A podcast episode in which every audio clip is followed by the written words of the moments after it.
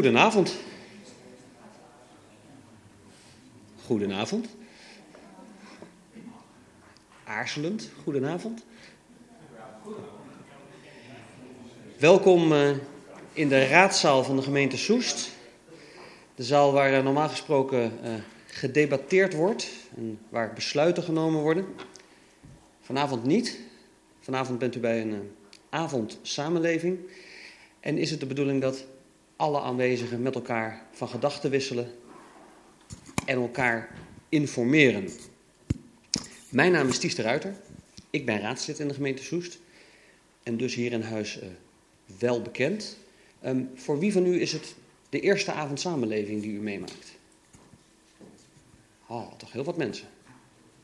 Nou, extra welkom uh, uh, aan u. Wil u van harte uitnodigen om mee te praten uh, vanavond. Uh, vandaar dat we ook een gemengde binnen-buitenring hebben.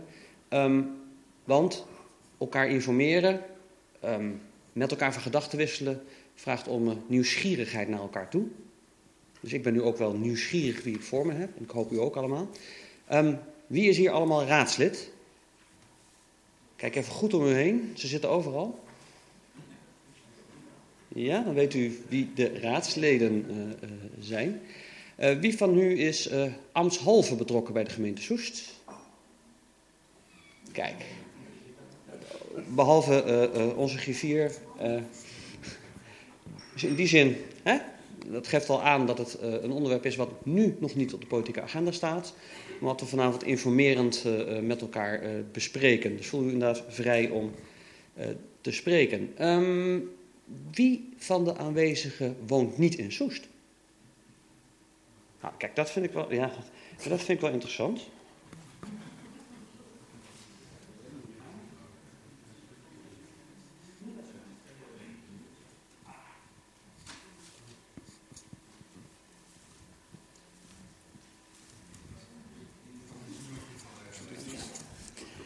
Niet uit Soest en toch hier aanwezig. Ja, ik ben lid van Energieactief Soest. En Energieactief Soest heeft uh, houtkachels en pelletkachels ook wel als onderwerp. Dus in die zin, je kan het niet ambt, ambtshalve noemen, want ik ben vrijwilliger. Exact. Nou, leuk dat u er ook bent. Extra welkom aan u.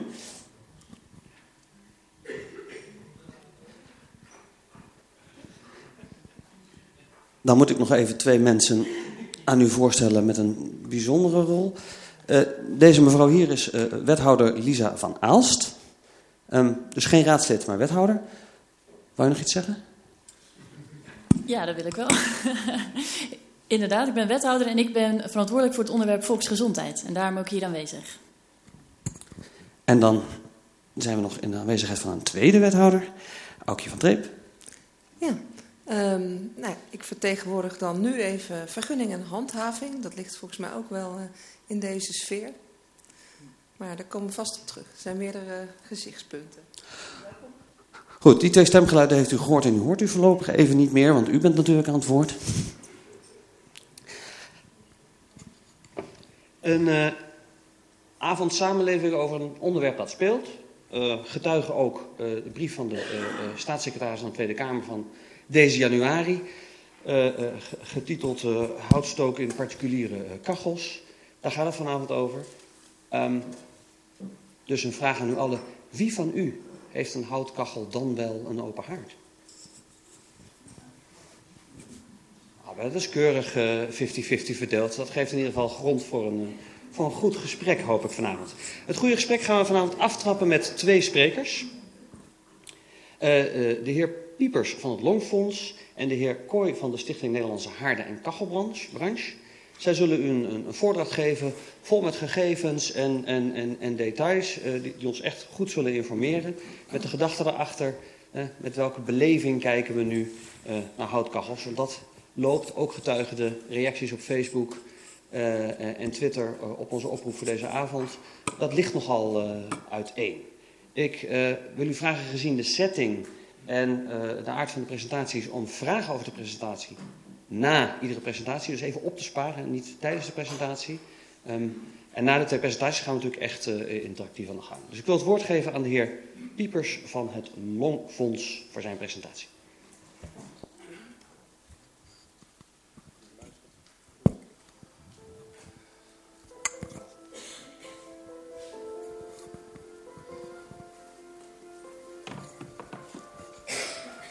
Goedenavond, dames en heren. U ziet hier een eh, tekst voorbij komen. Die gaat over binnenlucht. Een gezonde binnenlucht die kan alleen maar als je een gezonde buitenlucht hebt. Veel mensen die kunnen niet luchten om de gezonde buitenlucht binnen te krijgen, omdat de gezonde buitenlucht buiten niet zo gezond is. Daar gaat het vanavond over.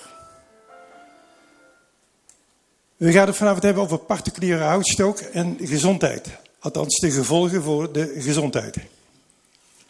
Ik ben vrijwilliger bij het Longfonds. Ik heb een nul uur contract met 0 euro's. En ik doe dat regelmatig. Hier een voordagje overgeven. Als er vragen zijn ter verduidelijking, mag u die gelijk stellen. En de rest inderdaad graag opsparen. Het Longfonds, even heel kort. Het Longfonds is een organisatie die zich inzet voor alle mensen met een longziekte. En dan maakt niet uit wat voor longziekte, alle longziektes. Onze ambitie is het longweefselherstel, dat mogelijk te maken. Vaccin tegen astma, dat is een heel belangrijk iets. Een rookvrije generatie, dat de jeugd niet begint te roken. En waar we hier vanavond voor zijn, een gezonde lucht. In dit geval een gezonde buitenlucht. We hebben in Nederland 1,2 miljoen mensen met een longziekte. Althans, die, die die diagnose hebben gekregen dat ze die hebben. Jaarlijks overlijden 12.000 mensen vroegtijdig door vieze lucht. En dat zijn niet allemaal longpatiënten. Houtstook. Is houtstook gezellig? Ja. Duurzaam? Twijfelen we erover. Maar wel ziekmakend. Mijn presentatie gaat vanavond even iets over ademhaling. Overzicht van de problematiek. Dus de gezondheidseffecten de visie van Longfonds even kort en wat adviezen voor de gemeente en inwoners. Ademhalen. Even terug. Dit is een schoorsteen en alles wat je verbrandt in een kachel, en maakt niet uit wat voor type het is, uit de schoorsteen komt altijd rook. Het kan alle kleuren van de regenboog hebben, maar er komt altijd rook uit. En in de rook zit viezigheid. En die viezigheid die ademen we in. Ademhalen is een natuurlijk proces, dat gaat automatisch. Je ademt in doordat je een signaaltje krijgt van uit je hoofd en uit je ruggenmerg naar het middenrif. Die gaat naar beneden, die trekt de longen naar beneden. En je longen zuigen zich vol met lucht. In eindstand zegt hij van ik stop ermee en dan door de rek van de longen wordt alles weer naar buiten geblazen. Per ademhaling ademen we zo'n 500 milliliter lucht in.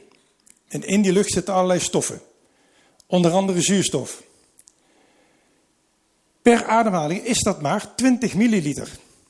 Van die half liter zit maar 20 milliliter zuurstof in de lucht. En de rest is allemaal gassen en andere troep. En per ademhaling wordt maar 20 milliliter opgenomen. Dat is heel weinig.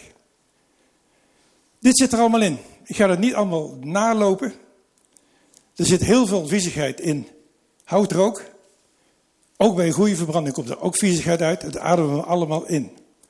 Waar ik het vanavond over ga hebben, over, gaat over fijnstof. Fijnstof is een heel gevaarlijk iets wat je niet ziet.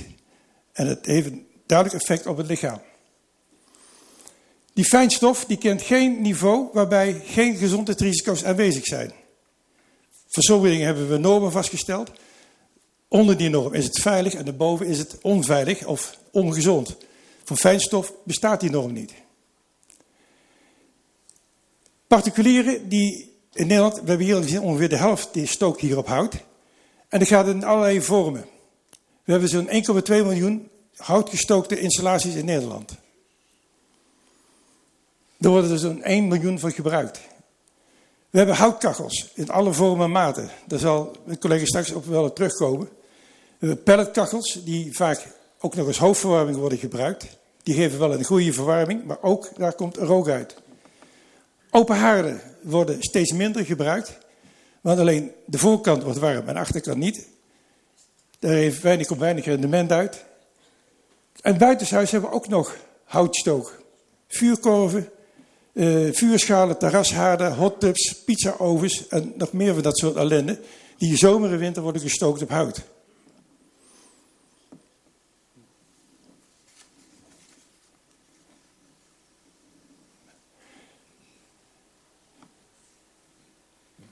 Wij krijgen steeds meer houtkachels.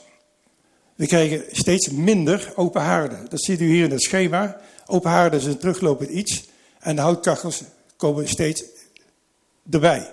En zal in de toekomst zal het nog wel meer worden. Op het moment dat wij van het gas afgaan, zullen mensen toch moeten gaan bijstoken. Want met warmtepompen en dat soort apparaten krijg je huis niet helemaal warm. En dan zullen die houtkachels zullen inderdaad wat gaan toenemen.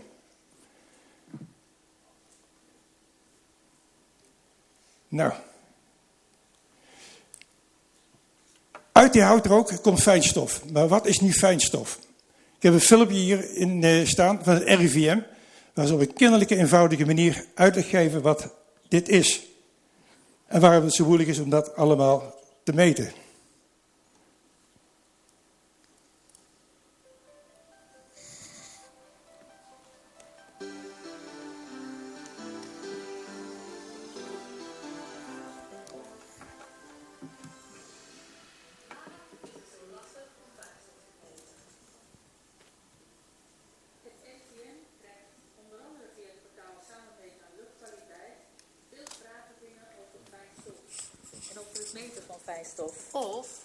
Meten van houtrook op wegverkeer, die ook kunnen bijdragen aan fijnstof. Het is soms best ingewikkeld om zulke vragen goed te beantwoorden. Het begint ermee dat je meer moet weten over wat fijnstof is. Pas als we dat weten, kunnen we gaan nadenken over de vraag: hoe meet je dat? Laten we daarom beginnen bij het begin. Wat is fijnstof? Fijnstof zijn kleine vaste deeltjes die in de lucht zweven. Bijvoorbeeld roetdeeltjes uit uitlaatgassen van auto's, maar ook van fabrieken of houtkachels. Of deeltjes die vrijkomen door slijtage van autobanden bij het rijden. Of het zijn ammoniakzouten afkomstig uit de landbouw. Maar er zijn ook natuurlijke fijnstofdeeltjes, zoals zand en zeezout. In deze voorbeelden hebben de deeltjes allemaal een andere bron, Fijnstof dat bestaat uit zout ziet er heel anders uit dan fijnstof dat bestaat uit roet of uit zand. Waar het deeltje uit bestaat, bepaalt de eigenschappen van het deeltje. Maar welke eigenschap is dan belangrijk? Wil je de vorm weten? Wil je weten hoe ruw het deeltje is? Of het deeltje poreus is? Welke kleur het deeltje heeft? Of dat het deeltje doorzichtig is? Of het deeltje reageert met andere stoffen of misschien met water. Waar bestaat het deeltje uit? Is het deeltje plakkerig? Dat zijn allemaal verschillende eigenschappen en alle deeltjes kunnen allemaal heel verschillend zijn. Daarom hebben ze ook allemaal een ander effect op de omgeving of op de gezondheid. Alle verschillende eigenschappen van alle deeltjes meten, dat is bijna niet te doen. Maar er komt nog iets bij, want ook in grootte kunnen de deeltjes heel erg verschillen. En dat is ook belangrijk om te weten, want kleine deeltjes komen veel dieper in je longen terecht. Hoe groot zijn die fijnstofdeeltjes dan? Fijnstof is zoals de naam zegt fijn, dus klein. Daar bedoelen we mee kleiner dan 10 micrometer. Een micrometer is een duizendste millimeter. Dat is dus een tiende van een tiende van een tiende millimeter. Dat is zo klein dat je de deeltjes met het blote oog niet kunt zien. Dan zijn er ook nog deeltjes kleiner dan 0,1 micrometer, die noemen we ultrafijne deeltjes. UFP, ultrafine particles. Ultrafijnstof komt onder andere vrij bij veel verbrandingsprocessen. Zoals je hier kunt zien is een deeltje van 10 micrometer ongeveer 5 keer zo klein als een haar. Deeltjes kleiner dan 0,1 micrometer zijn er nog een keer 100 keer kleiner. Dat is een heel groot verschil. Stel dat het grote fijnstofdeeltje zo groot zou zijn als een kei van 10 centimeter, dan is het kleine stofdeeltje zo groot als een zandkorrel van 1 mm. Kortom, fijnstof meten is heel erg moeilijk, omdat fijnstofdeeltjes allemaal zo verschrikkelijk verschillend zijn. In samenstelling en in grootte. We zijn eigenlijk al heel erg blij als we ongeveer weten hoeveel fijnstof er in de lucht zit. En wat daarbij komt kijken, dat laten we zien in een ander filmpje. Heb jij ook een vraag over luchtkwaliteit of over zelf meten? Laat het ons weten via samenmeten aan luchtkwaliteit.nl.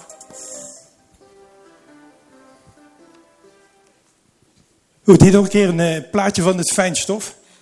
We hebben eigenlijk drie vormen van, drie maten van fijnstof.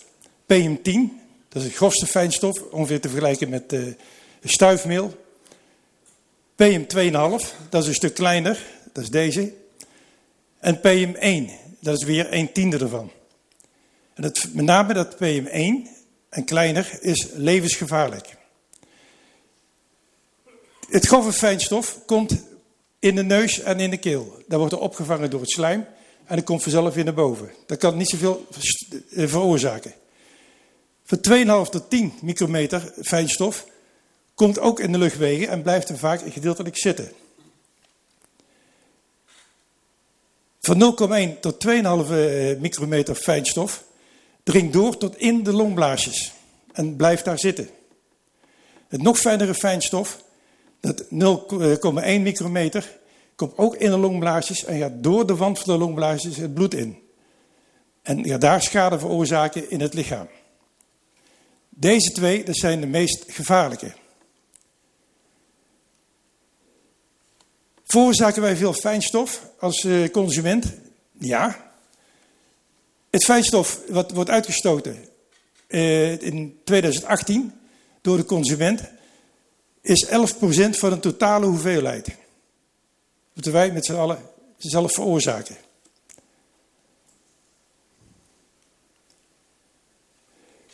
Die, in die 11% is dit de verdeling, en hier staat nog niet in verwerkt, de uh, emissie die wordt uitgestoten door paasvuren en dat soort ellende.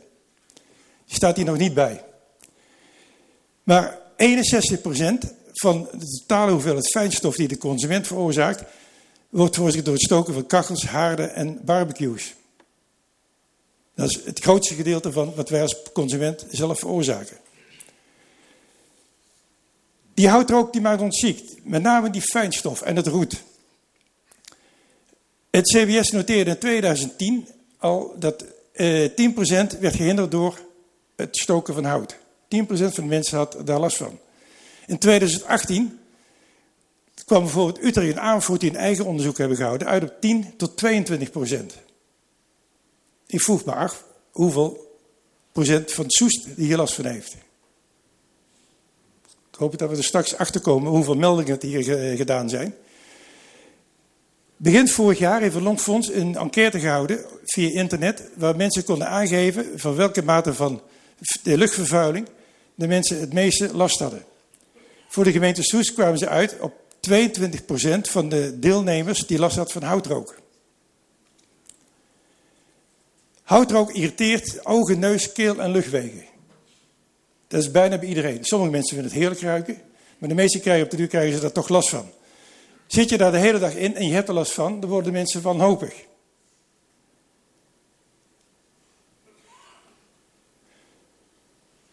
Oh, er gebeurt van alles. We hebben een aantal kwetsbare groepen, met name ouderen en jongeren, die hebben daar het meeste last van. Mensen met een zwakke gezondheid, die hebben daar ook veel last van. En dat zijn niet alleen mensen die longklachten hebben, maar ook mensen die last hebben van problemen aan het hart. Je kunt een lage eh, eh, longfunctie krijgen, hoesten, benauwd worden. Bij hoge blootstelling kun je dat nog heel lang volhouden, ook het vuur al lang uit is. En 55 tot 58 procent van de mensen met astma of CPD, die hebben daar ernstig last van. Weet iedereen wat astma en CPD is? Ja, ik zal het even uitleggen, heel kort. Astma. Astma is een longziekte waarbij ontsteking in de longen zit die niet altijd actief is. We hebben in Nederland nu nog plastic rietjes. We hebben drie maten. De hele grote Daar kun je milkshake weer drinken. Daar slurp je hele aardbeien mee naar binnen. Dat zijn de luchtwegen. Daar kun je makkelijk door ademhalen. Mensen met astma, die hebben het middenmaatje. Altijd. Die hebben al weinig lucht. Komt daar rook bij, dan gaat die lucht gaat knijpen. Omdat die luchtwegen gaan samentrekken. Die gaan zwellen aan de binnenkant. En dan adem je door zo'n mini-rietje. Mensen met COPD hebben altijd het middenrietje. En de minst geringste gaan ze ook naar dat hele kleine rietje toe. Die mensen hebben voortdurend last van allerlei geuren. Niet alleen houtrook, maar ook parfum en andere ellende. Maar houtrook en sigarettenrook is wel erg. Wat zijn de gezondheidseffecten? Er zijn een aantal uh, longziektes die je kunt krijgen, maar ook andere ziekten. Astma en COPD die verergeren. Je kunt er longkanker van krijgen, eh, lage longfunctie, hart- en vaatziekten. Met name de ultrafijne stofdeeltjes die door de longenblaasjes heen gaan, komen in het bloed en die komen in het hart terecht. En die veroorzaken daar hart- en vaatziekten. Vroegtijdige sterfte, heb ik straks al verteld, 12.000 mensen per jaar. Een lager geboortegewicht is ook aangetoond. En zijn ook aanwijzingen dat de mensen in vorm van diabetes krijgen, veroorzaakt door fijnstof. En neurologische aandoeningen worden ook niet uitgesloten. Nog een keer, kinderen en ouderen die hebben extra gevoel ervoor. En nog een heel belangrijk ding, het is niet alleen de, de fijnstof, ook de roet en de as die rondzweeft. En dat geldt ook voor degene die stookt, die het kacheltje openmaakt. Roet en stofdeeltjes die eruit komen, die blijven dan een poosje in je kamer rondzweven. En dat kan wel tot drie weken blijven hangen. Net als rook van sigaretten. Nou. Dit is Roberta. Ella Roberta, negen jaar. Ella Roberta die stierf door vuile lucht. Ze woonde in uh, Zuidoost-Londen. Uh, was vier jaar en was, blonk uit in atletiek en hardlopen en voetballen. Tot haar zesde jaar. Daar ging het heel snel bergaf en werd tegen het zevende levensjaar ernstig astma vastgesteld. Een astma die constant hele dikke slijm achterliet in de longen. En de, artsen konden er niet aan, eh, dienst aan doen om dat te verhelpen. Tussen de zevende en de negende jaar is ze 27 keer opgenomen in een ziekenhuis. En bij de laatste opname is ze overleden. Die professor van de universiteitskliniek waar zij werd behandeld, die is terug gaan kijken naar de uh, fijnstofmetingen over de afgelopen jaren en dat vergeleken met haar ziektebeeld. Toen bleek dat iedere keer als er een, een, verhoging was van fijnstof, dat zij dezelfde dag nog werd opgenomen met ernstige problemen aan de longen. De dag dat zij overleed, was de hoogste piek die ooit gemeten was in Zuidoost-Londen. Daarmee is aangetoond dat fijnstof de doodsoorzaak is geweest voor dit meisje. Wat doet de overheid om dit allemaal te voorkomen? Eigenlijk heel weinig. Alle gemeentes die geven aan, we willen wat doen, maar we hebben geen middelen. Hoe moeten we meten? Hoe moeten we handhaven? Dat handhaven, dat kan. Er zijn twee artikelen.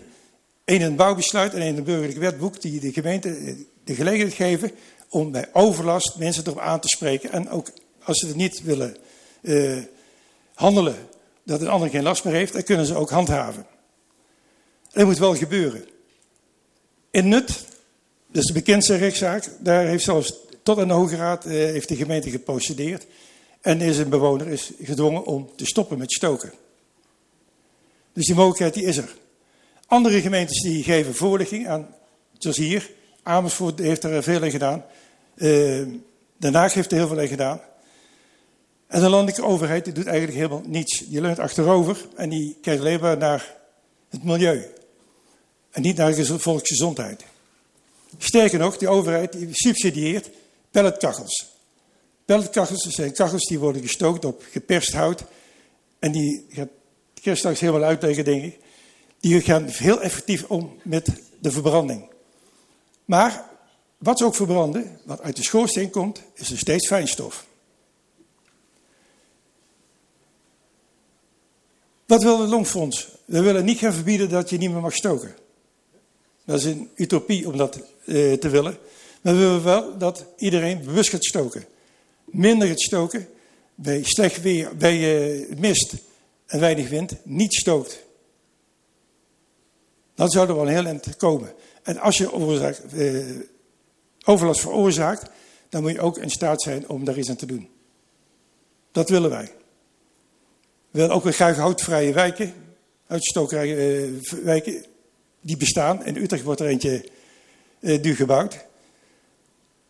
Van het gas af zou ik moeten inhouden, ook van het hout af.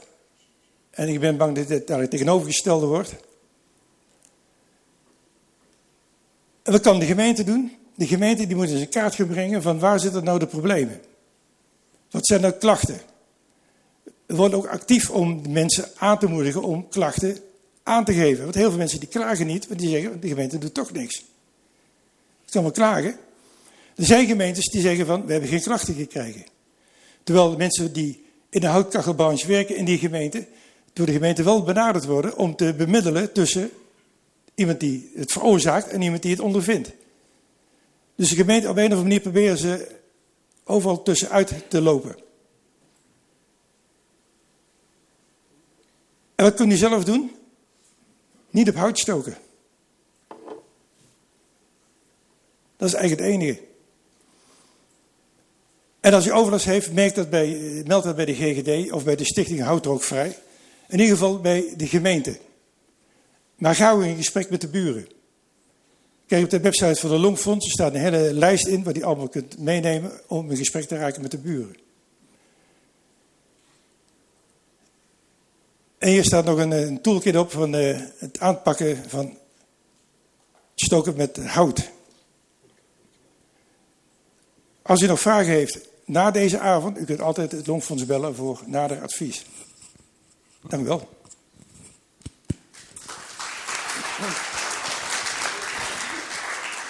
Dank u wel, meneer Piepers. Ik was vergeten uw bordje neer te zetten. Zijn er, naar aanleiding van deze presentatie, prangende vragen aan de heer Piepers? Dus nog even niet onderling, we krijgen nog een presentatie, maar... Ja, graag ook even uw naam. Uh, ik ben Pierre Verkerk en uh, die meneer noemt uh, het in gesprek gaan met elkaar. Nou, dan moet u voor de aardigheid eens gaan kijken op Facebook wat voor uitingen daar staan waarbij meestal het woord gezeik voorkomt. En dat is dus een beetje de gesprekstoon. Ja, meneer verwijst naar de Facebookpagina waar de aankondiging van deze avond op stond. Het klopt op de Facebookpagina heel veel van, reacties van bepaalde uh, mening stonden. Overigens op Twitter tegenovergestelde weer. nee, daar, is het verhaal wat meneer Piepers vertelde wat meer naar de voorgrond gekomen. Het was niet direct een vraag van meneer Piepers. Dank voor uw bijdrage. Oké.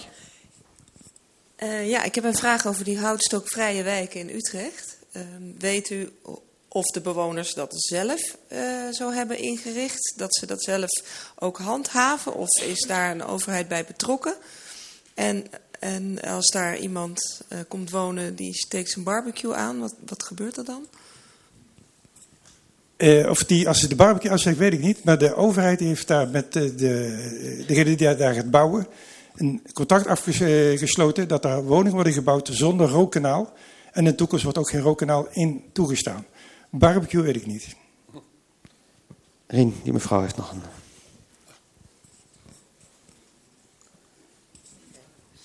Heeft het Loonfonds ooit gelobbyd om van die subsidie af te komen voor die kachels?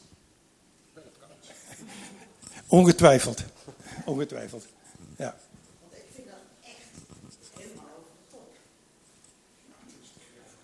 Dat was te verstaan voor iedereen, denk ik. Nog iemand met een vraag aan de heer Piepers?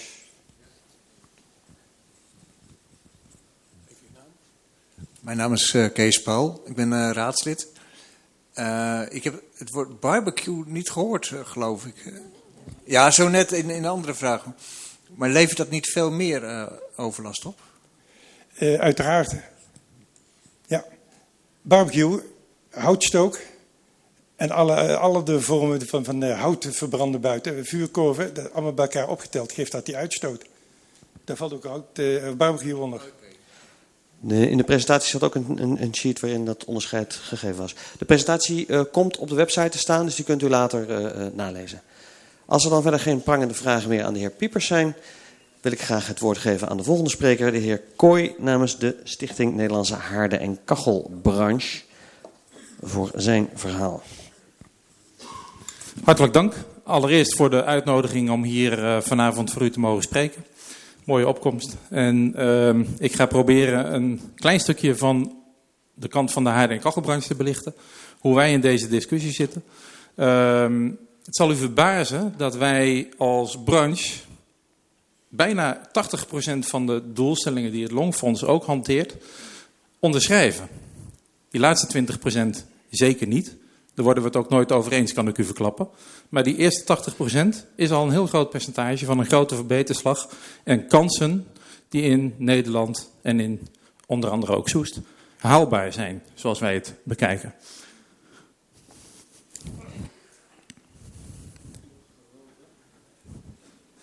Ja, en volgens mij heeft meneer Pieper de klikker nog, kan dat? Zakken leegmaken. Ja? Oh, die is van jezelf. Oh.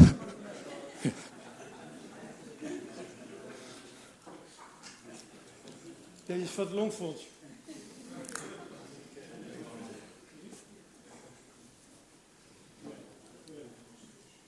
Ja, heel goed. Ja, ook, ook die samenwerking kennen wij. We kennen elkaar ook in andere bijeenkomsten. Dus wat dat betreft uh, geen enkel probleem dat wij samen voor zalen staan. Um,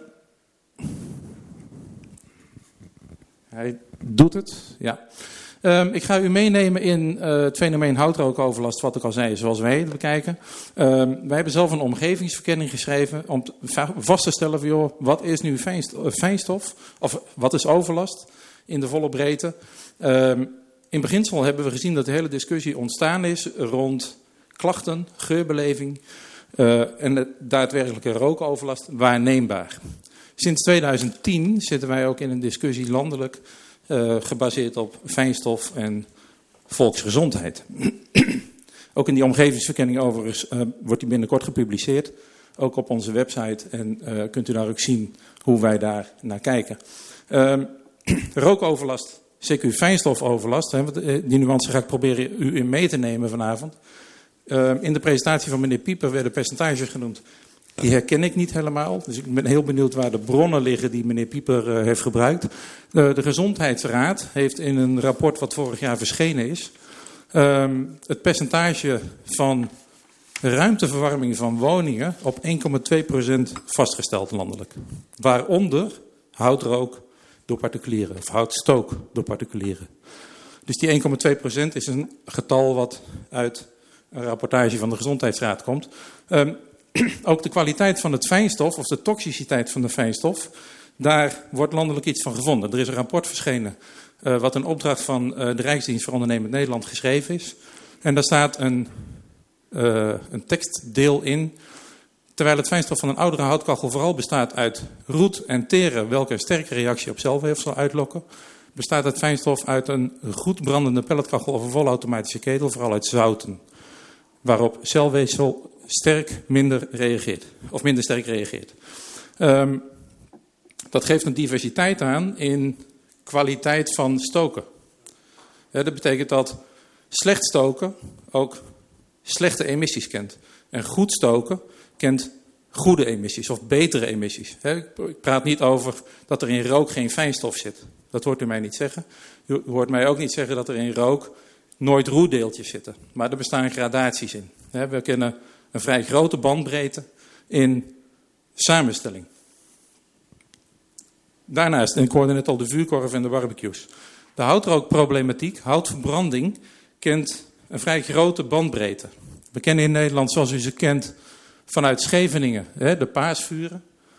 Uh, we kennen vuilverbranding, vaak in de agrarische omgeving. Als je uh, over de snelweg rijdt, merk je dat vaak. Of door de buitengebieden merk je het ook vaak. Um, we kennen de open haarden. Als Nederlandse haarden- en kachelbranche hebben wij een heel duidelijk kader gezet om onze activiteiten, waarbij wij vaststellen dat wij praten over toestellen. Dus we praten niet over het gat in de muur waarin je hout kunt stoken, de oude open haard zoals we die vaak ook kennen. Maar wij kennen toestellen die voldoen aan keurmerken, aan eisen die ook in Nederland, hoewel heel erg laag, gelden. We kennen hier de CE-normering waar uh, toestellen aan moeten voldoen. Terwijl in ons omringende landen veel stringentere normen gelden. Bijvoorbeeld Duitsland kent de BIMSVAU-norm. Nou, dat is ongeveer de ecodesign-norm zoals we die hier in Nederland gaan uh, toepassen. Gelukkig vanaf 1 januari 2020. Um, maar we praten dus over gekeurde toestellen. Kachels en haarden, uh, houtgestookt, pelletgestookt, cv-houtkachels en cv-pelletkachels en haarden. Dus we hebben het echt over hoogwaardige installaties, hoogwaardige toestellen.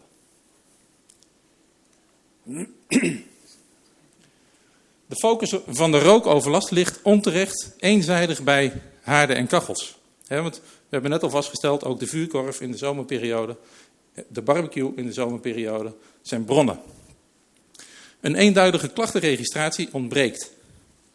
Bijna in alle gemeentes in Nederland zien wij dat de problematiek op een hoop wordt gegooid en dat er eh, slecht of geen onderscheid gemaakt wordt in de bron van de overlast. Ehm, veel klachten bij gemeenten komen door vuurkorven. Een onderzoek van Motivation, volgens mij in opdracht van het Longfonds uh, uh, gedaan, wijst uit dat ongeveer 40% van de klachten door vuurkorven veroorzaakt wordt. En er is een beperkt aantal klachten van haarden en kachels. Overigens onderschrijven wij dat die klachten bestaan. Er ligt dan ook een verantwoordelijkheid bij de branche en bij de stoker. Die hebben wij een aantal jaren geleden opgepakt. Uh, vijf jaar geleden zijn wij, zeg ik even uit mijn hoofd, mede-initiator geweest van het platform Houtrook en Gezondheid. Uh, overigens ook samen met het Longfonds. We zaten in een werkgroep die al een aantal jaren over het onderwerp sprak. En die werkgroep die is vijf jaar geleden, ik zeg het uit mijn hoofd, verworden tot het platform Houtrook en Gezondheid. Uh, de branche werkt samen met ministeries en pilotgemeenten om te kijken naar hoe kunnen we met elkaar tot oplossingsrichtingen komen om de overlast tegen te gaan. Hè, om de situatie in Nederland in ieder geval tastbaar te maken. En uh, in die oplossingsrichting ook een significante verbetering te bereiken. Staatssecretaris heeft op basis van die oplossingsrichtingen ook al beleid in gang gezet. Daar kom ik later op terug. Um, hier ga ik even wat sneller doorheen. We hebben een eigen, branche, uh, of een eigen uh, onderzoek laten doen vanuit de branche door het marktonderzoekbureau RIDE. Dat hebben we gedaan op basis van plaatjes, om ook de ondervraagden een beeld te geven van hé, hey, waar hebben we het dan over? Hebben we het over open haarden? Wat is uw toestel? Nou, de noemer kachel of de noemer open haard, die bij heel veel mensen leeft, bleek een heel breed spectrum te beslaan. Als je praat over een open haard, werd vaak de gaskachel, het huisjesmodel, wat met een uh, doorvoer door de gevel uh, gezet werd, werd als open haard aangemerkt. Door er een plaatje bij te zetten hebben we daar een heel duidelijk onderscheid in gemaakt. En zijn we ook tot een veel gerichter onderzoek gekomen van wat staat er nu in de Nederlandse woningen. 1 op de 13 woningen heeft een houtkachel, houthaard of pelletkachel. Dus op zich is dat best een groot percentage. Maar we komen niet, zoals het CBS, op 1,2 miljoen toestellen in Nederland. We komen op dit moment op 841.000 in gebruik zijnde toestellen in Nederland. Dus dat percentage ligt behoorlijk lager. Ik sla dit wat, wat over, want dat gaat in detail. Wat staat er dan in die woonkamers? Um, samengevat even in deze sheets uh, trekken wij de conclusie dat ongeveer 25 tot 35 procent van de toestellen in Nederland een verouderd toestel of een open haard betreft. Dus dat betekent ook dat die toestellen niet meer voldoen aan de normen zoals wij die op dit moment stellen. Dus daar is een verbetering in zichtbaar. want we zien, als we kijken naar andere landen om ons heen, zoals bijvoorbeeld Duitsland, dat er al jarenlang beleid ontwikkeld is om de oude toestellen uit de woningen te krijgen en te vervangen door toestellen die aan andere normen, aan de huidige normen voldoen. Dus in Nederland hebben we een enorm gat in die ontwikkeling. De oplossingsrichting van het platform Houtrook en Gezondheid, ik ga ze niet in detail doornemen, maar het geeft even de breedte aan waarin we als uh, platform ook gezocht hebben, samen met het ministerie, samen met de staatssecretaris, van oké, hoe vliegen we dit probleem aan? Uh, even om u een beeld te geven, de groen uh, gemerkte vakjes, Daar is de branche al jarenlang actief op bezig. En wij proberen ook dicht bij de stoker te komen om die mee te nemen in de persoonlijke verantwoordelijkheid die die stoker zelf ook heeft. Daar ligt in onze optiek een duidelijke noodzaak om samen te werken om tot die verbeterslag te komen. Um, een belangrijke, en daarmee lig ik op één lijn met meneer Pieper, is bijvoorbeeld ook, denk na over wanneer je stookt. als je mistig weer hebt, het is windstil weer, dan weet je eigenlijk dat die lucht in je directe woonomgeving blijft hangen. die rook die verspreidt zich niet. Ehm, de fijnstofdeeltjes die in die rook zitten, blijven ook dan hangen en die slaan neer tussen de bebouwing. dus dat is ook de overlast die heel veel mensen echt als nadelig ervaren. Maar daar heb je dus als stoker een heel duidelijk uh, uh, eigen verantwoordelijkheidsstukje. Wat je gewoon op moet pakken en nadenkt van oké, wat doe ik mezelf, maar ook mijn omgeving aan. We hebben daarvoor al sinds 2014 als branche een stookalert. Dat wordt door een aantal partijen niet erkend, omdat we het als branche zelf ingericht hebben. En er wordt van gezegd, ja, het klopt niet en het is eigen belang enzovoort. Maar we hebben daarmee een hele duidelijke eigen verantwoordelijkheid ook genomen. Overigens al vanaf het jaar 2000, waarin wij als branche samen met de Nederlandse Vereniging, of, uh, Vereniging Nederlandse Gemeenten, hebben meegeschreven aan een handboek sfeerverwarming. Er zitten ook heel duidelijke handvatten en richtlijnen in, ook voor gemeenten, om met elkaar stappen te zetten in bewustwording. Nou, we leven inmiddels in 2019. 19 jaar na dato staan we nog steeds eigenlijk op hetzelfde level in die discussie. Houdt er ook een overlast. Aanpak. Beleidspunt voor de branche in 2019 is om samen met de overheid een actieve inzet te tonen om overlast tegen te gaan. Dat doen we landelijk vanuit de NRK. Uh, we hebben daar de samenwerking met lokale en regionale spelers bij nodig. Uh, ik heb begrepen dat er ook een aantal uh, lokale DTS'en in de zaal zitten. Um, ook die hebben daar mogelijkheden om ook de lokale bevolking te adviseren, te instrueren, aan de hand te nemen. Dus we roepen ook onze eigen achterban op, de DTist in kwestie met kennis, om samen met ons op te trekken daarin. Maar ook vooral de overheid. Wat hebben we daarvoor nodig? Kwalitatieve houtstook, vier pijlers. Goed toestel, goede brandstof, uh, goede installatie. Goede installatie is erg belangrijk. Want Beun de Haars weet niet waar hij mee bezig is. We kennen in Nederland een opleiding uh, om tot installateur van haarden en kachels te komen. Uh, die installateurs die hebben kennis van wet en regelgeving. En dat heeft, als u een kacheltje bij de bouwmarkt koopt en u laat het door de buurman installeren, dat heeft die buurman gewoon simpelweg niet. Dus die weet niet aan welke regels en normen hij moet voldoen als dat toestel, het zij onder een bestaande uh, schoorsteen geplaatst wordt, of zelfs, wat wij zien, onder uw veranda of uitbouw. Wat wettelijk gezien in 99 van de 100 gevallen gewoon niet mag. Gemeente.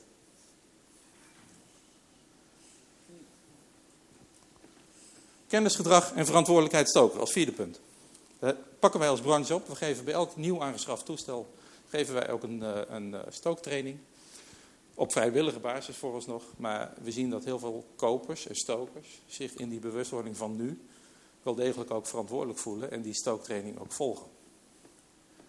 Kwalitatief houtstook goed toestel ge, uh, gebaseerd op ecodesign. Um, de staatssecretaris heeft aangekondigd, de ecodesign-norm die is vanuit Europa uh, in gang gezet voor 2022. Uh, de staatssecretaris heeft die voor Nederland aangekondigd naar voren te halen in 2020.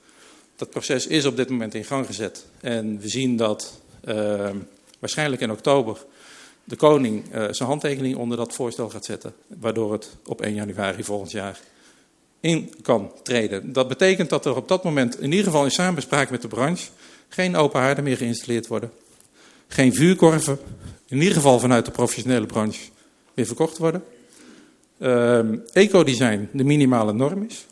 En de bewustwording op dat moment ook bij alle meewerkende partijen is ontstaan. Een installatie is meer dan alleen de haard of kachel. Want dat is een halffabrikaat. Pas op het moment dat het geïnstalleerd is, is er sprake van een kwalitatieve installatie.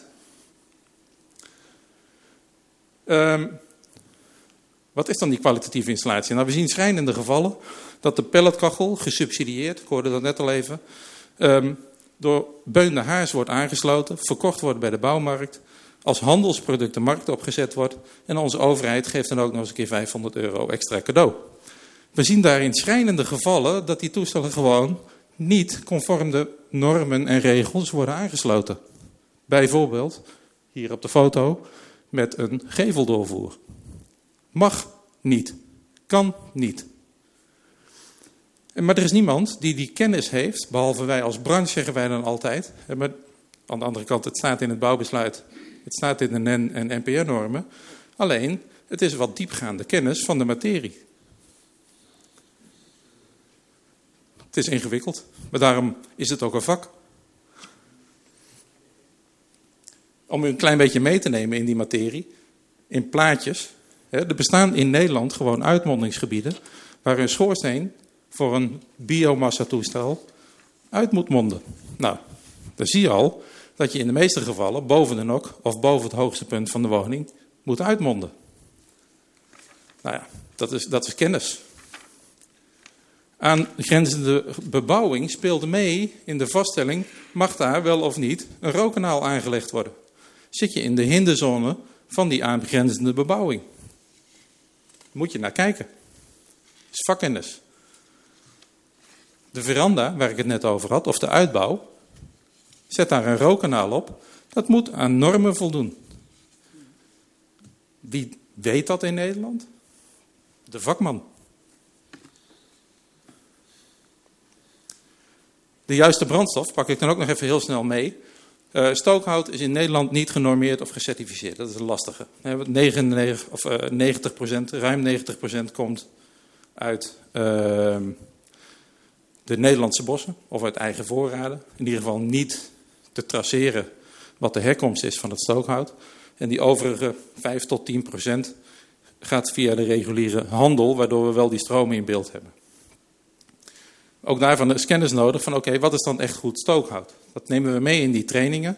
Welk stookhout voldoet aan de eisen die eraan gesteld worden? Is het droog genoeg? Um, um, is het de juiste houtsoort? Uh, heeft het de juiste omvang? want de grote dikke brokken hout bijvoorbeeld, dat is not done. want dat gaat liggen smeulen in je kachel. Nou, dat is kennis die die stoker moet hebben. Dat was dat laatste punt. Kennis, gedrag en verantwoordelijkheid. Uh, we reiken als branche al jarenlang de tools aan om die stoker daarin mee te nemen. Uh, we moeten nu de stap maken naar de bestaande groep stokers. want daar zit een deel van de oplossing ook nog die zijn zich 9 van de 10 keer nog niet bewust dat daar gewoon slagen te maken zijn. Samengevat, we zijn op zoek naar die samenwerking met u. Bewoners, gemeente, uh, maar ook de vakhandel. En nogmaals, die heeft die verantwoordelijkheid, maar die heeft ook de kennis om u daarin te ondersteunen. Uh, de staatssecretaris heeft het beleid al in gang gezet. Uh, de gemeenten zijn nu aan zet door middel van het schone luchtakkoord en de omgevingswet die eraan zit te komen. Uh, daarin moeten de juiste beslissingen genomen worden. Maar doe dat op basis van de feiten en de op dit moment al beschikbare kennis en mogelijkheden.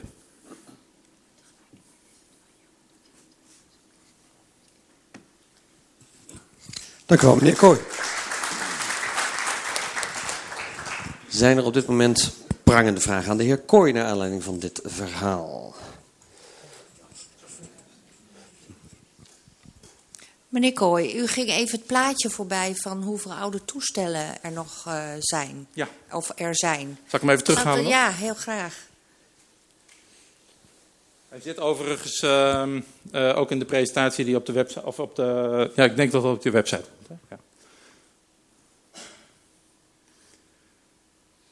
Het is, het is wat veel detailinformatie op zo'n avond als deze, maar ik, ik, heb ze er bewust in zitten.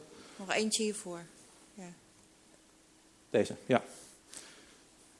34 procent 25 jaar of ouder. Ja, dat, dat is een behoorlijk percentage. percentage. Ja, ja, klopt.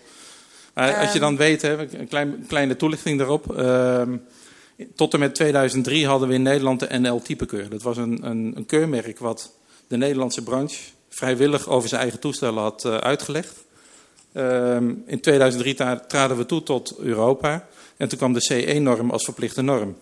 Onze overheid heeft uh, ja, verzuimd, laat ik het netjes zeggen, om in ieder geval de bestaande normering in te dienen. Zodat die ook meegenomen konden worden in de Europese wet en regelgeving. Dus vanaf 2003 zitten we op, een, op het niveau van Italië, Spanje, Portugal. Even om het als vergelijk Mag te ik daar even op reageren? Ik Dat vind het een beetje lastig om daar de overheid uh, de schuld van te geven. Ik denk dat dat meer iets van de branche is. Nee. En al in de omgevende, omringende landen is dus al een hogere normering. Uh, Ja, klopt. Alleen eh, even om, eh, om u mee te nemen in, in de procedure die gevoerd zou moeten worden. We hebben als branche hebben wij destijds ook de huidige normering, of de toenmalige normering, hebben wij de ministeries hebben we neergelegd.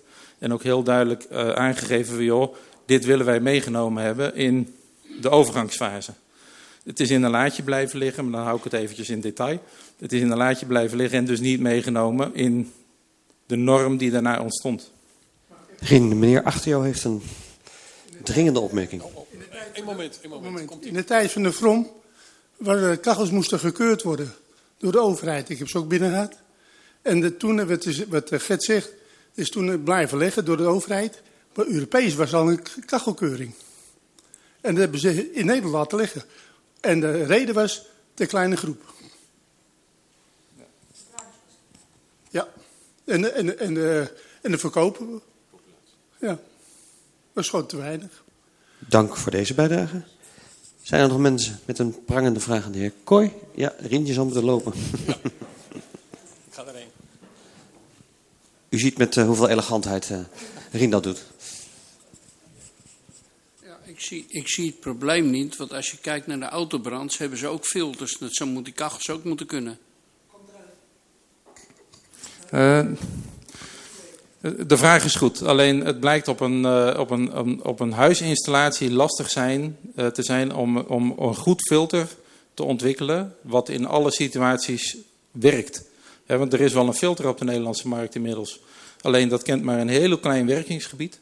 En je ziet dat daar, ik ga dan even technisch in detail, uh, de rookgastemperatuur van een moderne hoogrenderende houtkachel die blijft ver onder de 250 graden. En de effectiviteit van het filter wat op dit moment bestaat, begint pas bij rond de 300, 350 graden schoorsteentemperatuur. Terwijl als je een hoog rendement wil hebben op je verwarmingsinstallatie, dan wil je die warmte wil je in je huis houden. Dus uh, filters zijn op dit moment, we zijn er ook als branche naastig naar op zoek, maar een goed werkend filter wat breed toe te passen is, bestaat nog niet. Bij de biomassa doen ze het wel. Ja, de professionele installaties klopt. Maar dan praat je over uh, uh, ureum inspuiten, uh, injecties, naverbrandingsinstallaties. Ik denk dat je dan praat over, als je dat op een huisinstallatie zou willen doen, over een investering die in geen enkele verhouding meer besta- staat tot het doel waar zo'n installatie voor aangelegd wordt. Ja. Uh, kunt u die stookcursus wat toelichten? Wat, wat houdt dat precies in? Ja, hele goeie. Uh, we kennen in Nederland uh, het begrip inmiddels de Zwitserse stookmethode. Uh, er is in Luzern, inmiddels 15 jaar geleden, is er een groep studenten geweest. Die heeft in opdracht van de stad Luzern een onderzoek gedaan. En daar zijn ze tot een methode gekomen waarbij ehm, je niet zoals je het bij de padvinders leert, het houtvuurtje opstapelt en aan de onderkant aansteekt. Maar precies omgekeerd, uh, het houtvuur op een bepaalde manier opstapelt en dan aan de bovenzijde aansteekt. En uh, als je dat met de juiste brandstof doet en op de juiste wijze in het juiste toestel, want dat moet een samenspel zijn van omstandigheden, uh, dan kun je bijna rookvrij stoken. Niet fijnstofvrij, want dat is dan een discussie die ik nog niet aanga met meneer Pieper, maar wel rookvrij. Hè. Dus als je praat over rook- en geuroverlast, dat kun je tot een minimum beperken als je het op de juiste manier doet. En is dat dan een fysieke cursus of krijgen mensen een filmpje toegestuurd? Nee, fysieke cursus. Als je het goed wil doen, moet je de mensen aan de hand nemen. Ja. Uh, met, met, een filmpje bereik je wel bewustwording, maar de vaardigheden leer je in de praktijk. Dank u. Hoeveel kost die cursus, hoor ik? Als je een kachel koopt, krijg je hem gratis.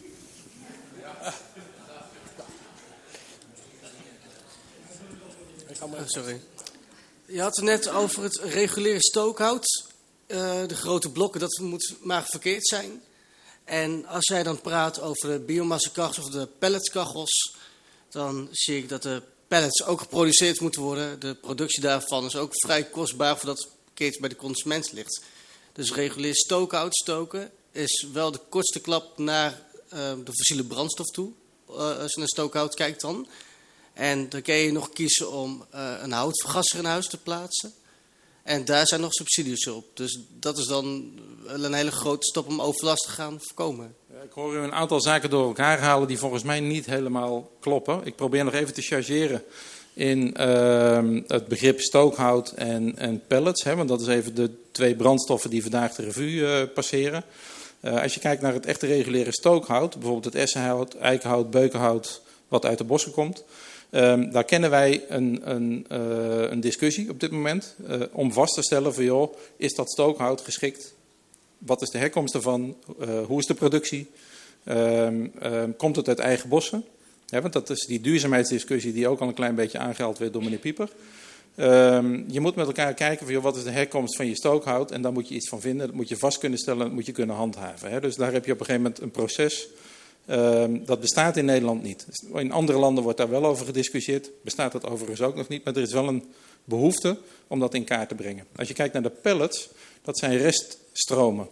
Um, dat zijn reststromen bijvoorbeeld uit de uh, houtindustrie. Of het is afvalhout uit uh, de tuin of bosbouw. die stromen zijn heel goed in kaart te brengen. En je kunt dus ook vaststellen van oké, welke stromen worden, daar, worden gebruikt om daar pellets van te produceren. Dus die pelletkorreltjes, die uh, zijn op dit moment wel degelijk aan een norm verbonden. Overigens nog een vrijwillige norm. Uh, even voor degenen die een pelletkachel hebben. De ENA plus norm is een Europese standaard op dit moment. Of de EN plus A1, om in detail te treden. Die EN plus A1 norm die bepaalt dat er geen bast bijvoorbeeld in de pellet mag zitten. Uh, dat de samenstelling van een x-percentage soort hout moet zijn om daar uh, een bepaalde kwaliteitsnorm aan te hangen. Je ziet ook in de installatie en de gebruiksvoorschriften van die pelletkachel dat het die korrel is waarmee dat toestel gekeurd is. Dus daar is dat makkelijker van te doen als van het grote stookhout, het grote stukhout, zeg maar. Dank u wel, meneer Kooi.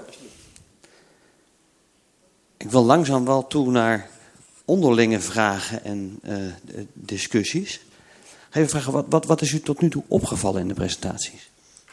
Um, nou, het uh, gaat het met name nu over nieuwe installaties. Uh, er worden natuurlijk uh, ook nieuwe kachels geplaatst op oude schoorstenen. En daar ligt mijn probleem, vandaar dat ik hier ook zit. dus op zich ben ik vind ik het wel heel goed dat uh, uh, meer aan de normering gedaan wordt. Ik heb zelf ook een kachel. Maar ik heb last van iemand anders een kachel, zodat ik niet in mijn tuin kan zitten. Dat is dus wel heel erg lastig.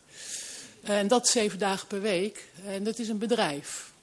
Dus uh, ja, ik zit een beetje te kijken naar de wettelijke normering enzovoorts. Om te kijken of er wat aan gedaan kan worden.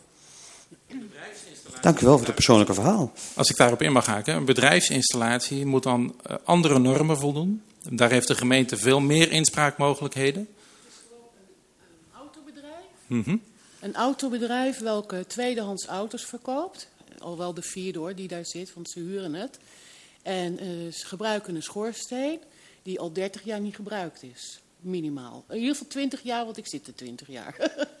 en hij zit laag, op een laag dak. En hij komt uh, dus niet boven het dak wat ernaast zit uit. En uh, het, ja, blijft gewoon hangen. Dus... Het, is, het, is een, het is een installatie. Kijk, je kent in Nederland de, het van rechtens verkregen niveau. Um, dat zullen de juristen, als ze hier in de zaal zitten, zullen dat kennen. Um, de, de, de wet en regelgeving in de tijd van de aanleg van die installatie, oftewel het oorspronkelijke rookkanaal, is bepalend voor uh, het vaststellen of die voldoet, ja of nee.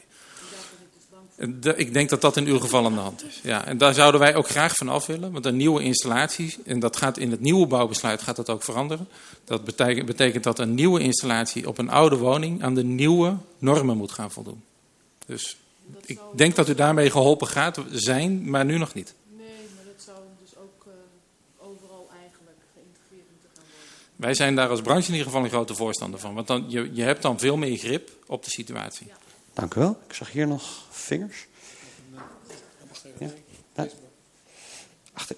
Ja, Ja, ik uh, zag een heel mooie grafiek. Maar hoe betrouwbaar zijn de gegevens uit uw eigen onderzoek? Hoe is de gemeten? Hoe lange tijd is de gemeten? Waarmee is de gemeten? Is het in een regio geweest? Is het landelijk geweest? Hoe is er gemeten? Hoe betrouwbaar zijn die gegevens? er zaten ook wat verschillen in de grafieken tussen de heer uh, Piepers en de heer Kooi. Misschien ja, de heer Piepers eerst even kan toelichten, want die kreeg nog een sneer van de heer Kooi. Misschien kan een nee. open vraag van de heer Kooi.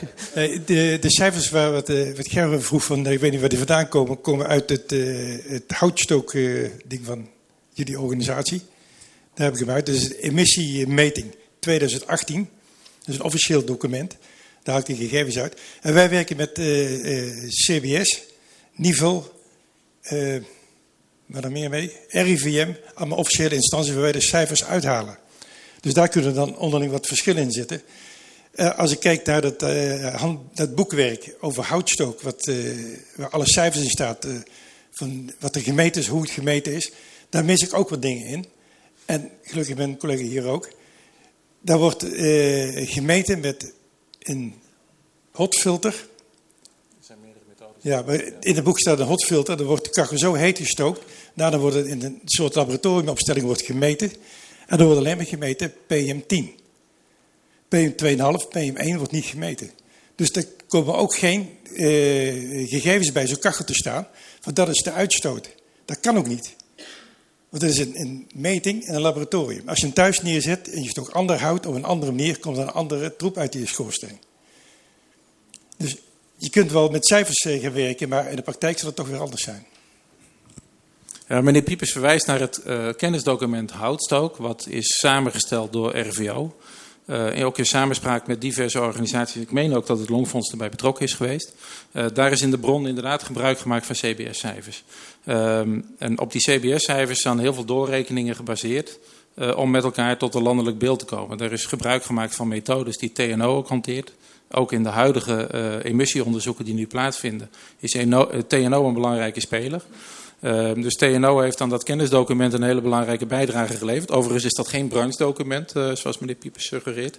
Maar het is een, een, een document wat door RVO is samengesteld. Ik kom even terug op de vraag die mevrouw net stelde. Um, wie heeft dat onderzoek gedaan? Um, allereerst is dat een, een erkend onderzoeksbureau, RIDE, geweest. Ze hebben dat inderdaad in, on, in opdracht van de branche gedaan. Alleen wij hebben een methode gebruikt die uh, vooraf besproken is met CBS. We zijn daarbij heel dicht gaan zitten tegen de uitgangspunten die het CBS in het woononderzoek ook hanteerde. Alleen we hebben daar uh, de nuancering in aangebracht, zoals, hem ook, zoals ik hem net geprobeerd heb heel vluchtig uit te leggen. Uh, we hebben die differentiatie veel meer gezocht. Van joh, waar praten we over? We willen die samenstelling weten. We willen weten de ouderdom. We willen type toestel weten. Ehm, er is een, een, steekproef gedaan ehm, ik haal ook al even het motivation onderzoek aan. Wij hebben dubbele aantallen laten onderzoeken dan het motivation onderzoek. Hè. Dus het is echt een gerenommeerde steekproef geweest landelijk. Dus we hebben een, een, een gewogen beeld hieruit, uh, denk ik, in ieder ja. geval. Deze mevrouw stak ook haar vinger op.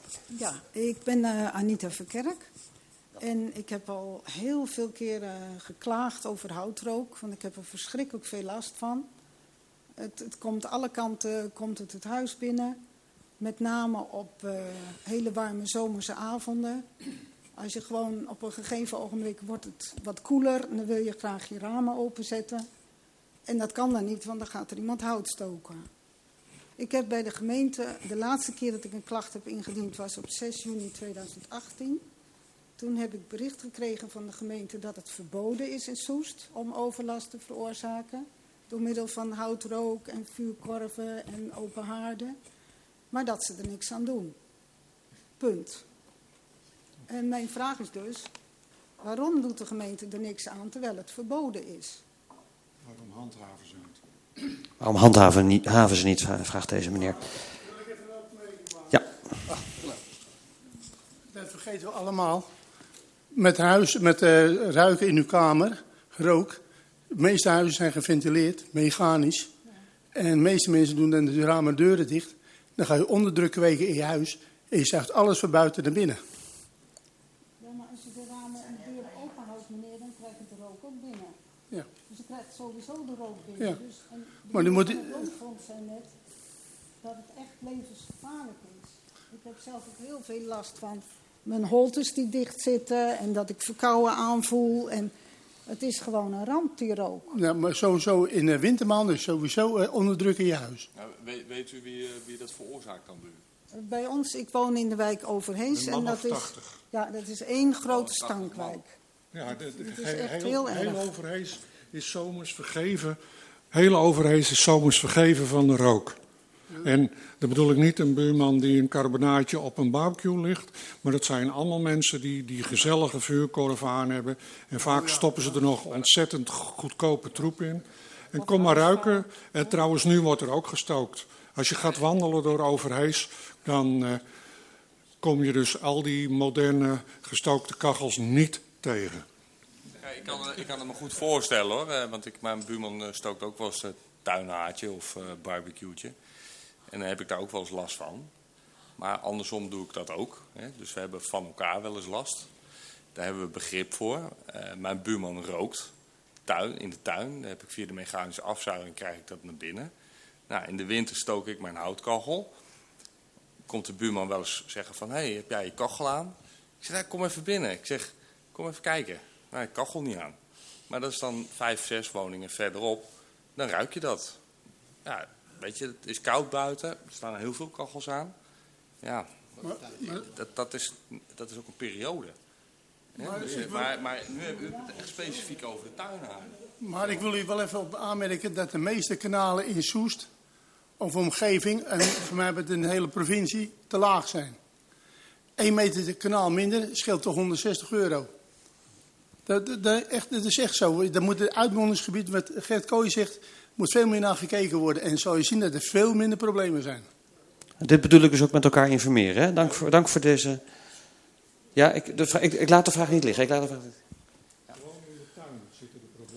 Ja, ik wou nog een vraag stellen over, eh, over dat meten. Ja, niet over hoe de metingen gedaan zijn. Maar in, de, in die brief van de staatssecretaris staat ook in dat TNO een, een methode ontwikkelt die vrij makkelijk en snel metingen kan doen. En dus ook zeg maar, bewoners eh terzijde kan staan in, eh, in bestrijden. Hoe ver is het daarmee?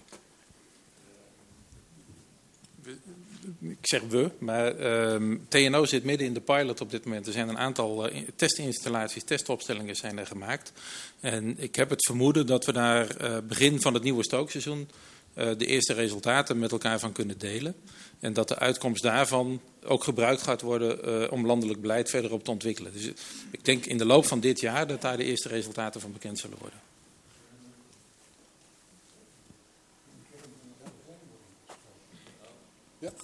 Eh, ja, even nog naar aanleiding van het gesprek net. Eh, mijn naam is Tim de Wolf, raadslid GGS. Eh, misschien kunnen de wethouders iets zeggen over de klachten die, eh, die er in Soes zijn over houtkachels. En dan gelijk nog even een tweede vraag aan de heer Kooi. Eh, ik hoorde hem zeggen van de gemeente zijn aan zet. Wat verstaat hij daar dan onder? Maar dan eerst de wethouders maar even, denk ik. Is de wethouder zover? Ja, daar zijn wij als branche heel duidelijk in. Eh gemeenten zijn aan zet door eh, in ieder geval heel kritisch te kijken wat doen wij op dit moment in het handhaven van bestaande normen. Hè, want dat is met name het handvat. eh, kijk, je moet niet naar toekomstige eh, ontwikkelingen kijken. Je moet kijken wat er nu al is. En wij zien al dat vanaf pak een beet 2000, hè, maar dat, dat, we praten echt al over zo'n lang tijdsbestek, dat het gewoon bij de eh, meeste gemeenten ontbreekt aan kennis om op het juiste niveau, ook vanuit bouw- en woningtoezicht, dit probleem aan te sturen. Want de normen zoals wij ze nu hanteren, bouwbesluit 2012, wijkt niet enorm af van het eerdere bouwbesluit wat er al bestond en de eerdere normgeving die er al bestond. Zeg maar vanaf, in ieder geval vanaf 2012 zien wij een hele duidelijke eh, houvast in het bouwbesluit. Maar de onderliggende normen bestonden daarvoor al. En de kennis waar dat op gebaseerd is, bestond daarvoor ook al. Hè. Nogmaals, ik haalde net aan eh, het handboek sfeerverwarming, wat in 2000 eh, geschreven is, bevat al heel veel van die aspecten. En het, het is lastig om waar te nemen dat er dus ehm, in 19 jaar tijd geen positieve ontwikkelingen geweest zijn, waardoor gemeenten dit op basis nogmaals van de bestaande eh, eh, eh, wet en regelgeving en normen al hebben aan kunnen pakken. Ja, dat is een ondergeschoven eh, eh, probleem, denk ik, bij heel veel gemeenten. Ik wilde De heer Piep. De normen die zijn bekend. Nederland heeft normen voor fijnstof. De Wereldgezondheidsorganisatie heeft het niveau naar beneden gebracht voor een nog lager niveau van uh, fijnstof wat nog wordt geaccepteerd. Dus de normen die zijn er, alleen je moet mensen hebben met een meter, die kunnen meten en een gemeente die moet handhaven. Dat is het enige probleem. Maar ik heb het over. Um, uh, in mijn opmerking, de gemeenten zijn al zet. Uh, moet je ook heel duidelijk kijken, de bouwkundige normen, hè, want dit zijn andere normen, dit zijn luchtkwaliteitsnormen. Wij hebben het nog steeds ook over de bouwnormen die er bestaan die zijn voor een deel ook al ontwikkeld om uh, de uitmondingen, hè, ik hoorde meneer net zeggen, de uitmondingsgebieden, heel veel uh, installaties voldoen daar niet aan. Dat delen wij ook als branche. Heel veel installaties voldoen niet aan de uitmondingsnormen. Op het moment dat je dus in een vrije uitwaaizone zit, dan is de overlastproblematiek die ik hier ook bijvoorbeeld aan tafel hoor, in ieder geval van de reguliere houtstookinstallaties, hoeft er niet te zijn. Als er aan de factoren voldaan wordt van de kwalitatieve stook... Uh, methodiek die wij hiervoor staan, dan hoeft er geen overlast te ontstaan op het moment dat je aan alle feiten voldoet.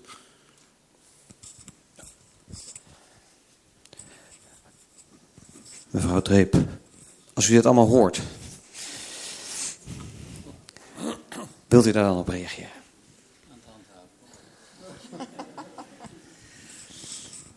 Um, meneer Piepers die vertelde in zijn verhaal dat veel mensen eigenlijk de moeite niet meer nemen om überhaupt melding te doen. En, en daar, eh, daar zit ook wel een waarheid in. En ik merk dat hier ook. Want de klachten die wij binnenkrijgen zijn er eigenlijk niet eens zoveel.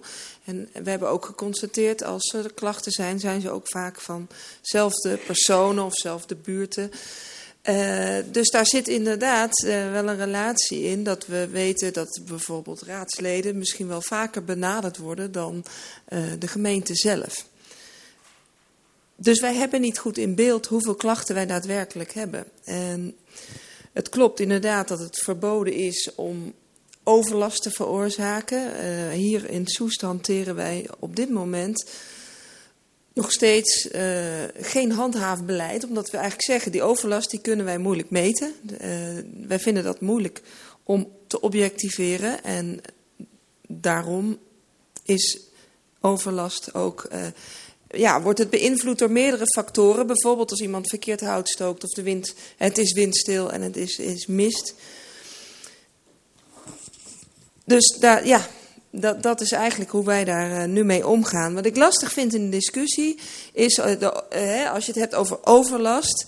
Ehm, ik weet niet hoeveel kachels en open haarden er in Soest zijn. We hebben dat niet geïnventariseerd. Als ik hoor dat er zo 840.000 in Nederland zijn, dan weet ik nog steeds niet hoeveel overlast daardoor wordt veroorzaakt. Of dat dat gaat om die buitenbarbecues, vuurkorven. En dan denk ik in die afgelopen jaren, en vanaf 2010, heeft dat een enorme vlucht genomen. Het is heel populair geworden om een buitenkeuken in je tuin te zetten. Of een pizza over, of een vuurkorf. Of, nou ja, noem het maar. Dan wonen wij hier ook nog eens in een bosrijke omgeving... waar iedereen wel eens een, eh, een, een, een eh, struik of eh, boom weghaalt uit zijn tuin... en die een paar jaar laat liggen en opstookt. Dus ik vind het wel moeilijk om te bepalen wat die overlast nou precies is en waar die dan vandaan komt. Uh, ja. Maar dat, ja, dat, dat zijn dus niet houtkachels. Dat, ja. Ja.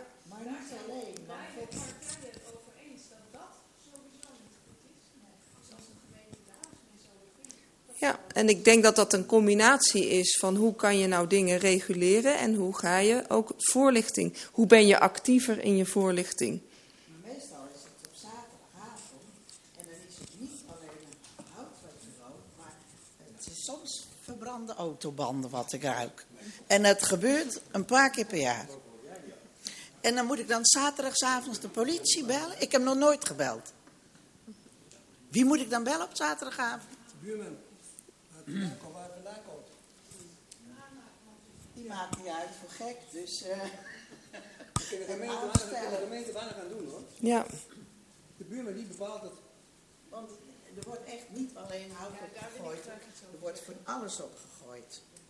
Dat, dat vind ja. ik heel klaar. Ik heb uh, zelf ook heel veel overlast gehad van houtrook en ook wel eens contact opgenomen met de gemeente. En toen was de tip van op de toolkit houtrook met degene die de overlast uh, veroorzaakt te bespreken. Nou ja, dat doe je dan maar. Echt ruzie gekregen. Verschrikkelijk. Dus ik denk, het is zo vaak sta je tegenover elkaar. Ik, ik zou zo fijn vinden als de gemeente daar wat meer een politieke wil zou tonen om daar wat aan te doen. En dan zeker voor mensen, en dat heb ik zelf niet, maar stel dat je echt astma hebt. En er is niets aan te doen. Dat vind ik heel erg. Nou, dank voor deze hartekreet. Loop ik toch ook nog even naar de wethouder gezondheid of die haar invalshoek hierop nog wil geven. Mevrouw Van Aast. Ja, nou, zoals ook wordt aangehaald, onze buurgemeente Amersfoort doet veel aan voorlichting. Ook als gemeente Soest doen wij aan voorlichting op dit gebied. Uh, maken we daarbij gebruik van materiaal dat is ontwikkeld door het RIVM om mensen van bewust te maken wat ze kunnen doen ook om overlast te verminderen. Um, in situaties waarin natuurlijk ook echt conflicten ontstaan tussen, uh, tussen buren, uh, kan me voorstellen dat dat ontzettend, ontzettend vervelend is. Um, ik weet niet of dat ook echt in Soest is gebeurd naar aanleiding van discussies over houtreuk, maar hebben we ook buurtbemiddeling wat, wat ingezet kan worden.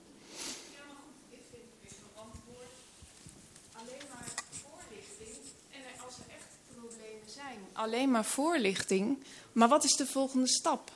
Wat is het, wat is het uh, politieke standpunt van de partijen in de gemeente Soest? Of van de raad of van, de, nou ja, van u als wethouder persoonlijk? Ja. Handhaven met mist of zo. Als er, als er weinig wind is, dat de dagen dat er meer overlast is, kun je vrij objectief vaststellen.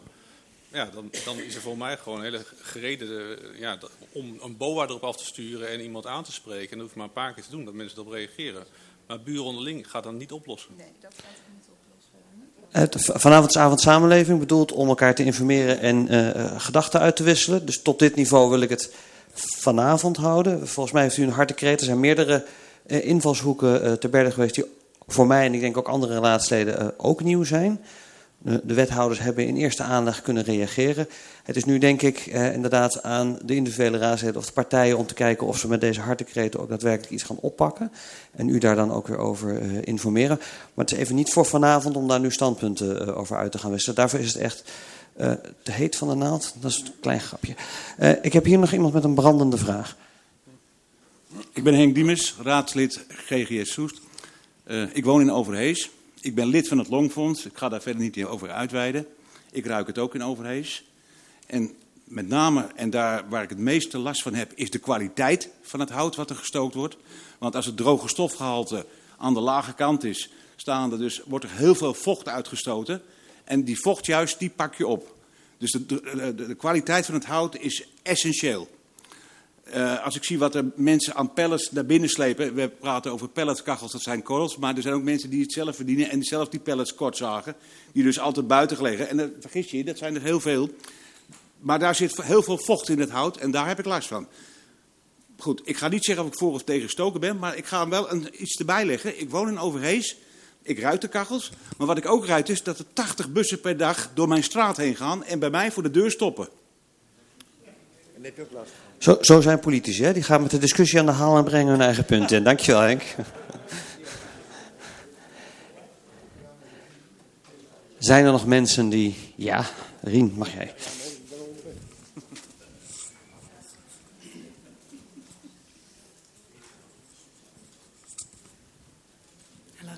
Wendy de Prey.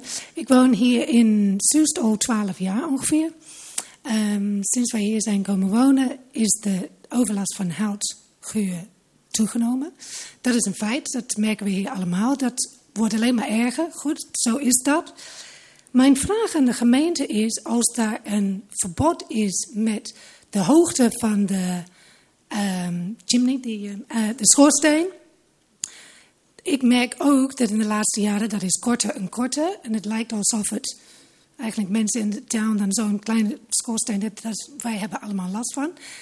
Als de rook moeilijk is om te handhaven, waarom kan dit niet gehandhaven worden?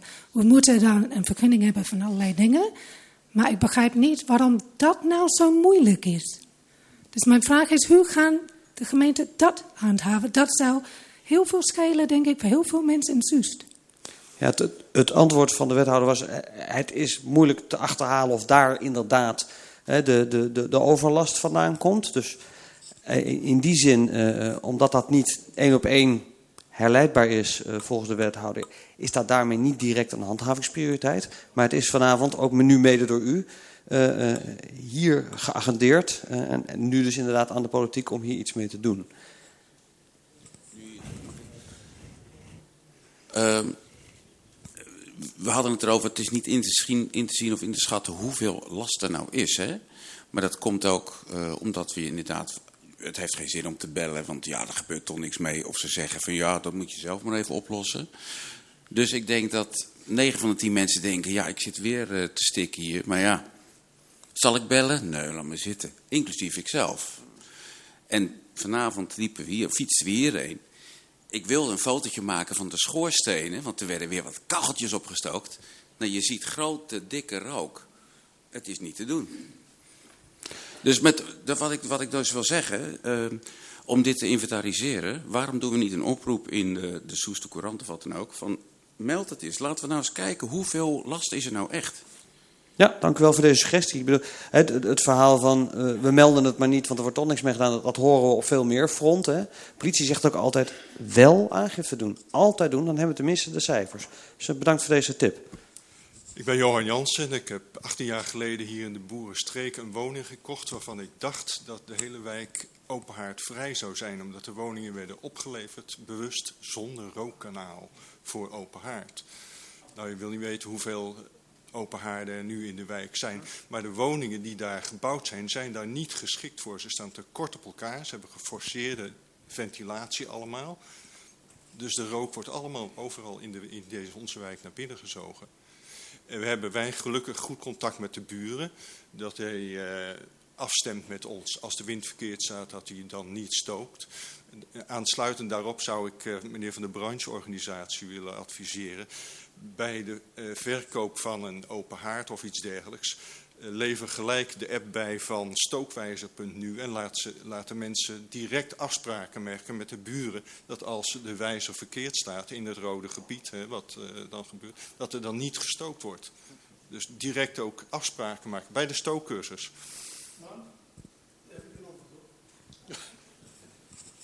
Er is een ontmoedigingsbeleid met bouwen.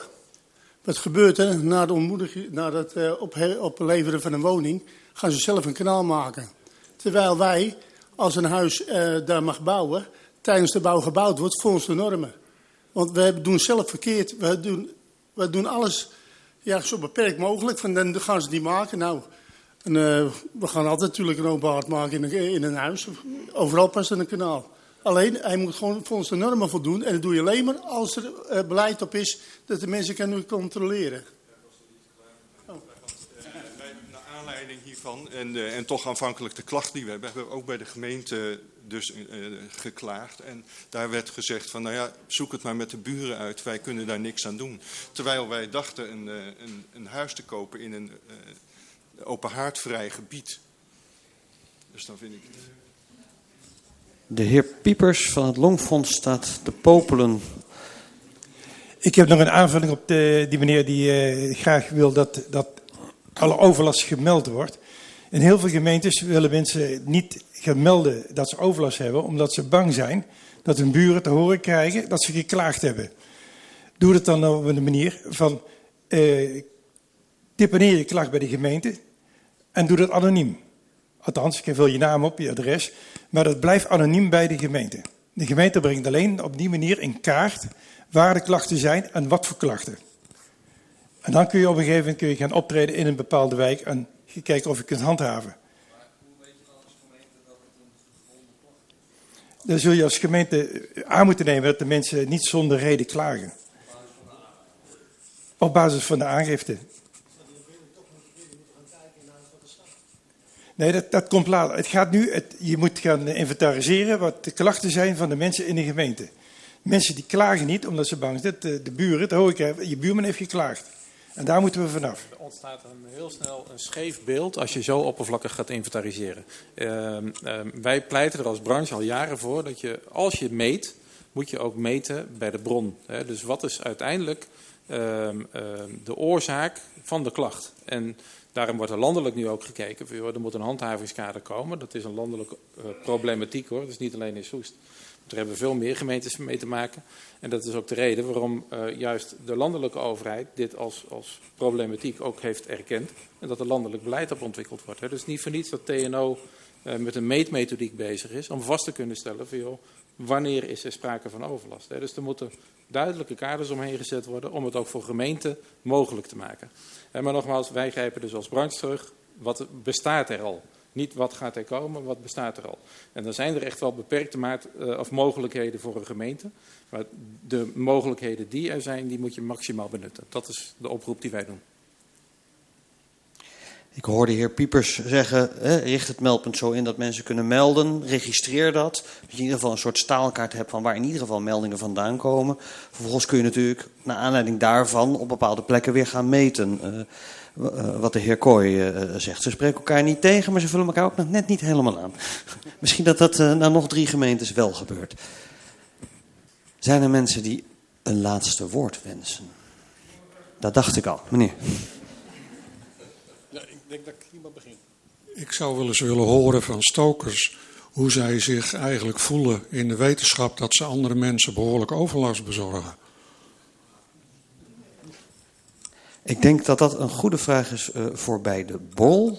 Dat is meteen het goede nieuws. Er is na deze bijeenkomst een borrel met een hapje en een drankje. Ik wil u niet nu de discussie ontnemen, maar ik kan me voorstellen dat het voor uh, stokers om nu persoonlijk op uw vraag in te gaan, plenair wat erg overdreven is. Maar als er iemand is. Kijk aan.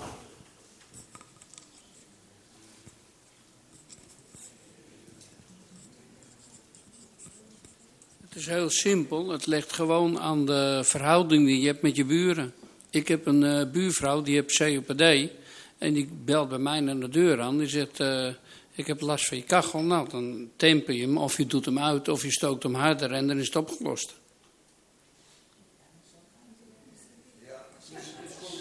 Onderling overleg.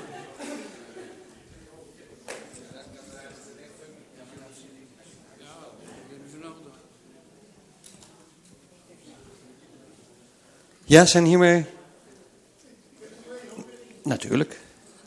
Rien is sneller.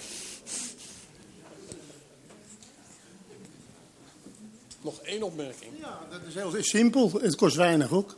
Als iedereen zijn eigen kanaal een meter hoger zet, ben je er vanaf. In ieder geval 80% en dat weet ik zeker. Dat is echt wel.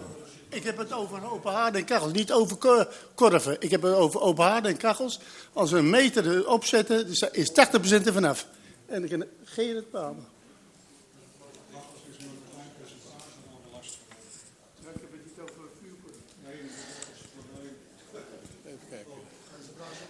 Zijn er mensen die nog een laatste woord wensen? Ja. Ik wil alleen zeggen, wij wonen ook in Overhees. Dat is heel vaak gevallen, dus misschien is er iets in Overhees om eens een keer nadrukkelijk naar te kijken. En een tweede, zeg maar, ik kan zo de wethouder of wie dan ook, uh, s'avonds of een keer een rondje de soes fietsen, de plekken aanwijzen waar 9 van de 10 keer het gewoon ruikt. En uh, dan sta je naast huizen en je weet niet eens waar het vandaan komt, maar het is altijd dezelfde plek. Bijvoorbeeld bij de oversteekplaats in Soes-Zuid, bij de spoorwegovergang. Op de Inzingenstraat is een, een hoekje waar altijd deze rook hangt. Dat zijn gewoon mensen die het gewoon consequent verkeerd doen. En die moet je voor mij op een gegeven moment aanpakken. En als je gewoon op je fiets zo soes rijdt en je rijdt regelmatig hetzelfde rondje, dan is het altijd dezelfde. Dat zijn korven dan, maar geen uh, kachels. Ik woon op de Inzingenstraat en voor mij hebben ze echt geen last. En ik heb, ik heb zelf COPD, ik heb longkanker. Ik heb nog maar één long, maar nooit geen last gehad van mijn kachel. Dames en heren, dan wil ik u bedanken voor uw bijdrage en uw komst. Het zal nog wel even in de hoofden blijven hangen. Het zal nog lang onrustig blijven in Soest en Soesterberg. Um, ik wil u uitnodigen voor een borrel hiernaast. En ik wil uh, met name de sprekers bedanken voor hun bijdrage.